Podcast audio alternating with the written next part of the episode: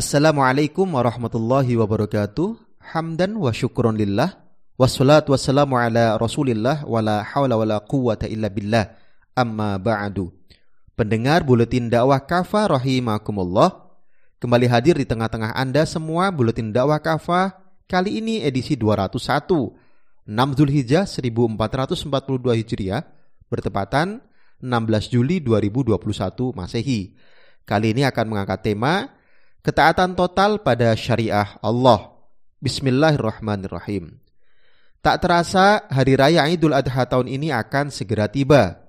Namun, Idul Adha kali ini kita rayakan dalam kondisi pandemi COVID-19 yang masih belum berakhir.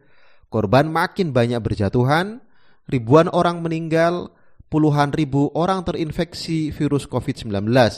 Bahkan, jumlah orang yang terinfeksi virus ini makin meningkat pada saat yang sama, penanganan wabah pandemi ini makin tidak jelas arahnya. Wajar jika publik makin kecewa, sebagian bahkan frustasi. Ketidakpercayaan mereka kepada pemerintah makin tinggi akibat pemerintah salah urus sejak awal. Pada level keimanan, kita tentu wajib mengimani bahwa hanya Allah Subhanahu wa taala yang kuasa menghidupkan dan mematikan manusia. Semuanya ada dalam genggamannya sakit maupun sembuh, baik ataupun buruk, semuanya ada dalam kuasanya. Orang beriman juga harus meyakini bahwa semua hal termasuk musibah datang dari Allah Subhanahu wa taala. Oleh karena itu, hanya kepada Allah lah kita meminta segala perkara. Saat ditimpa musibah, kita pun wajib bersabar. Semua urusan harus kita serahkan kepadanya. Allah Subhanahu wa taala berfirman dalam Quran surat At-Taghabun ayat 11. A'udzu billahi minasyaitonir rajim. Bismillahirrahmanirrahim.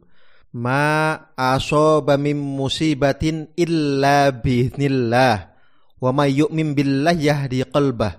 Wallahu bikulli syai'in alim. Tidak ada suatu musibah pun yang menimpa kecuali dengan izin Allah. Siapa saja yang mengimani Allah, niscaya dia akan memberikan petunjuk kepada hatinya. Allah Maha Tahu atas segala sesuatu. Pada saat ditimpa musibah, kaum muslim harus bertobat, meningkatkan ibadah, banyak berdoa dan melaksanakan berbagai amalan nafilah lainnya. Intinya, mereka harus banyak bertakarub mendekatkan diri kepada Allah Subhanahu wa taala. Sekarang ini adalah momen untuk kembali kepada Allah Subhanahu wa taala dengan tobat yang sesungguhnya, baik secara personal maupun kolektif. Wujud tobat adalah dengan menjalankan ketaatan total atas semua perintah dan larangan Allah Subhanahu wa taala.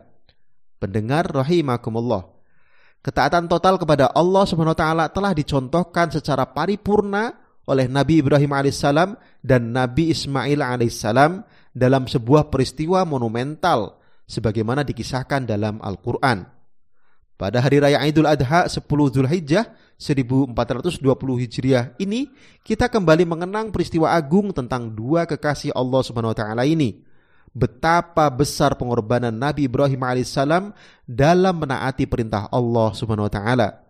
Beliau rela diperintah oleh Allah Subhanahu wa taala untuk menyembelih putra kesayangannya Ismail alaihissalam. Bagi Nabi Ibrahim alaihissalam, Ismail alaihissalam adalah buah hati, harapan dan kecintaannya yang telah lama beliau dambakan. Namun, di tengah rasa bahagia itu, turunlah perintah Allah taala kepada beliau untuk mengorbankan putra kesayangannya itu. Allah taala berfirman dalam Quran surat As-Saffat ayat 102, A'udzu billahi minasyaitonir rajim. Bismillahirrahmanirrahim. Falamma balagha ma'hu sa'ya qala ya bunayya inni ara fil manami anni adbahuka fangzur madza tara Tatkala anak itu telah mencapai usia sanggup berusaha bersama-sama Ibrahim, Ibrahim berkata, "Anakku, sungguh aku melihat dalam mimpiku bahwa aku menyembelih dirimu. Karena itu, pikirkanlah apa pendapatmu." Atas perintah Allah SWT tersebut, Nabi Ibrahim alaihissalam mengedepankan kecintaan yang tinggi, yakni kecintaan kepada Allah Subhanahu wa taala. Sebaliknya, beliau segera menyingkirkan kecintaan yang rendah, yakni kecintaan kepada anak, harta, dan dunia. Perintah amat berat itu pun disambut oleh Ismail alaihissalam dengan penuh kesabaran. Beliau bahkan mengukuhkan keteguhan jiwa ayahandanya dengan mengatakan dalam Quran surat As-Saffat ayat 102, A'udzu billahi minasyaitonir rajim. Bismillahirrahmanirrahim. Qala ya abati fa'al ma tu'maru satajiduni insyaallahu minas sabirin. Ayah, lakukanlah apa yang telah Allah perintahkan kepada engkau. Insyaallah engkau akan mendapati aku termasuk orang-orang yang sabar. Kisah Nabi Ibrahim alaihissalam dan Nabi Ismail alaihissalam tersebut seharusnya menjadi teladan bagi kita saat ini. Tidak hanya teladan dalam pelaksanaan ibadah haji dan ibadah kurban. Kedua kekasih Allah SWT ini juga merupakan teladan dalam berjuang dan berkorban.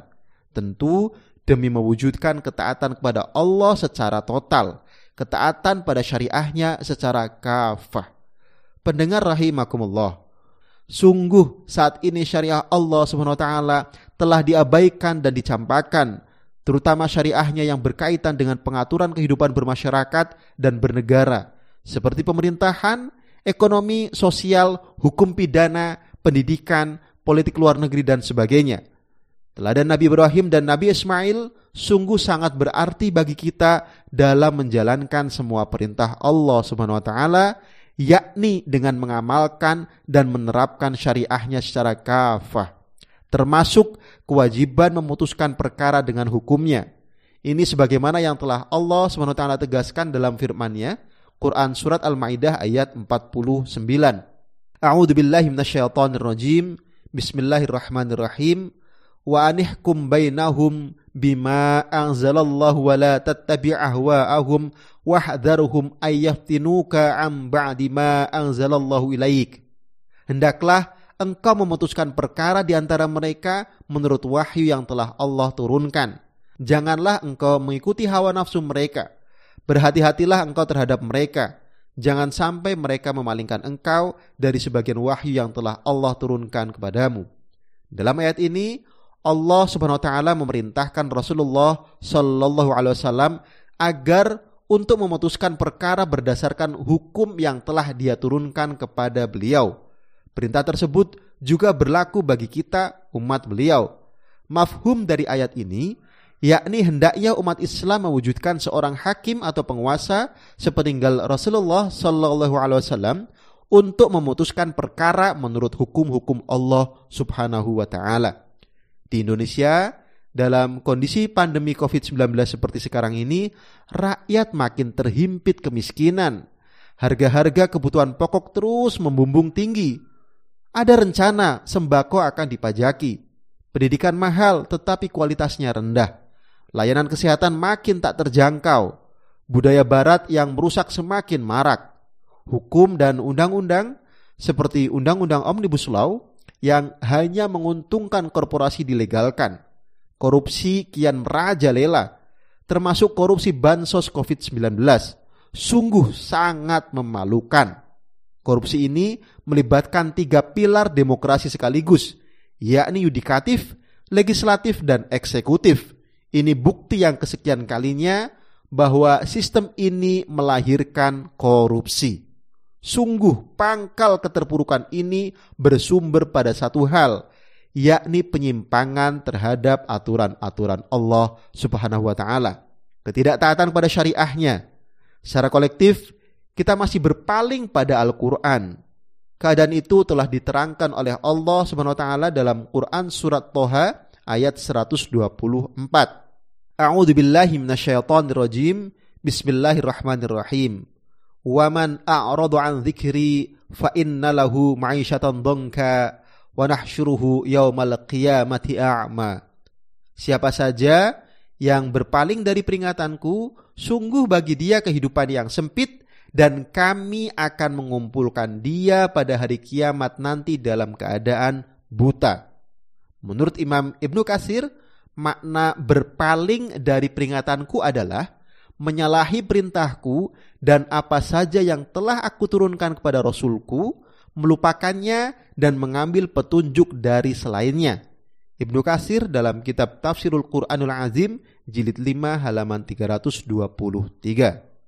Adapun Kehidupan yang sempit di dunia tidak lain adalah kehidupan yang semakin melarat, miskin, sengsara, menderita, terjajah, teraniaya, tertindas, dan sebagainya.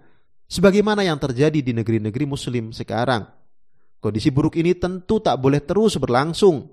Kaum Muslim harus segera mewujudkan ketaatan penuh dengan menerapkan syariat Islam secara kafah. Demikian sebagaimana yang Allah SWT inginkan. Allah SWT berfirman, dalam Quran surat Al-Baqarah ayat 208. A'udzu billahi minasyaitonir rajim. Bismillahirrahmanirrahim. Ya ayyuhalladzina amanu dkhulu fis silmi kafah wa la tattabi'u khutuwati syaitan innahu lakum aduwwum mubin. Hai orang-orang yang beriman, masuklah kalian ke dalam Islam secara keseluruhannya dan janganlah kalian mengikuti langkah-langkah setan Sungguh setan itu musuh yang nyata bagi kalian. Pendengar rahimakumullah, penerapan syariah Islam secara kafah adalah wujud ketaatan total kepada Allah SWT. Hal ini mengharuskan adanya kepemimpinan yang adil yang menerapkan sistem yang adil pula. Itulah kepemimpinan yang menerapkan syariah Islam secara total. Kepemimpinan seperti itu juga berfungsi sebagai penjaga atau haris bagi kaum muslim, baik agama, darah, harta maupun kehormatan mereka. Rasulullah Shallallahu Alaihi Wasallam bersabda, wa innamal imamu junnatun yuqatalu min waraihi wa yuttaqabih. Sungguh imam atau khalifah itu adalah perisai. Di belakangnya orang-orang berperang dan kepada dia mereka berlindung. Hadis riwayat Al-Bukhari dan Muslim. Imam An-Nawawi menyatakan hadis itu bermakna bahwa imam atau khalifah merupakan benteng atau tameng karena ia melindungi umat dari serangan musuh terhadap kaum muslim, memelihara hubungan kaum muslim satu sama lain dan menjaga kekayaan mereka. Spirit sami'na wa ata'na kami dengar dan kami taat sebagaimana yang ditunjukkan oleh Nabi Ibrahim alaihissalam dan Nabi Ismail alaihissalam jelas membutuhkan pengorbanan. Dalam konteks ini, kita patut bertanya kepada diri kita sendiri, sejauh manakah pengorbanan kita dalam menjalankan ketaatan total kepada Allah Subhanahu wa taala dengan melaksanakan kewajiban penerapan syariat Islam secara kafah dalam seluruh aspek kehidupan kita. Jika kini kita bersegera dan dengan ringan memenuhi perintah berkurban, padahal itu menurut jumhur fuqaha hukumnya sunnah, maka semestinya kita lebih bersegera dan lebih ringan menerapkan syariah Islam sebagai wujud ketaatan kita kepada Allah Subhanahu wa taala. Semoga Allah Subhanahu segera menurunkan pertolongannya kepada kaum muslim. Semoga kita pun termasuk hamba-hambanya yang istiqomah dan berkorban penuh keikhlasan dalam rangka mewujudkan kehidupan Islam. Wallahu alam biswab. Demikian materi Buletin Dakwah Kafah edisi 201, ketaatan total pada syariah Allah. Terima kasih. Wassalamualaikum warahmatullahi wabarakatuh.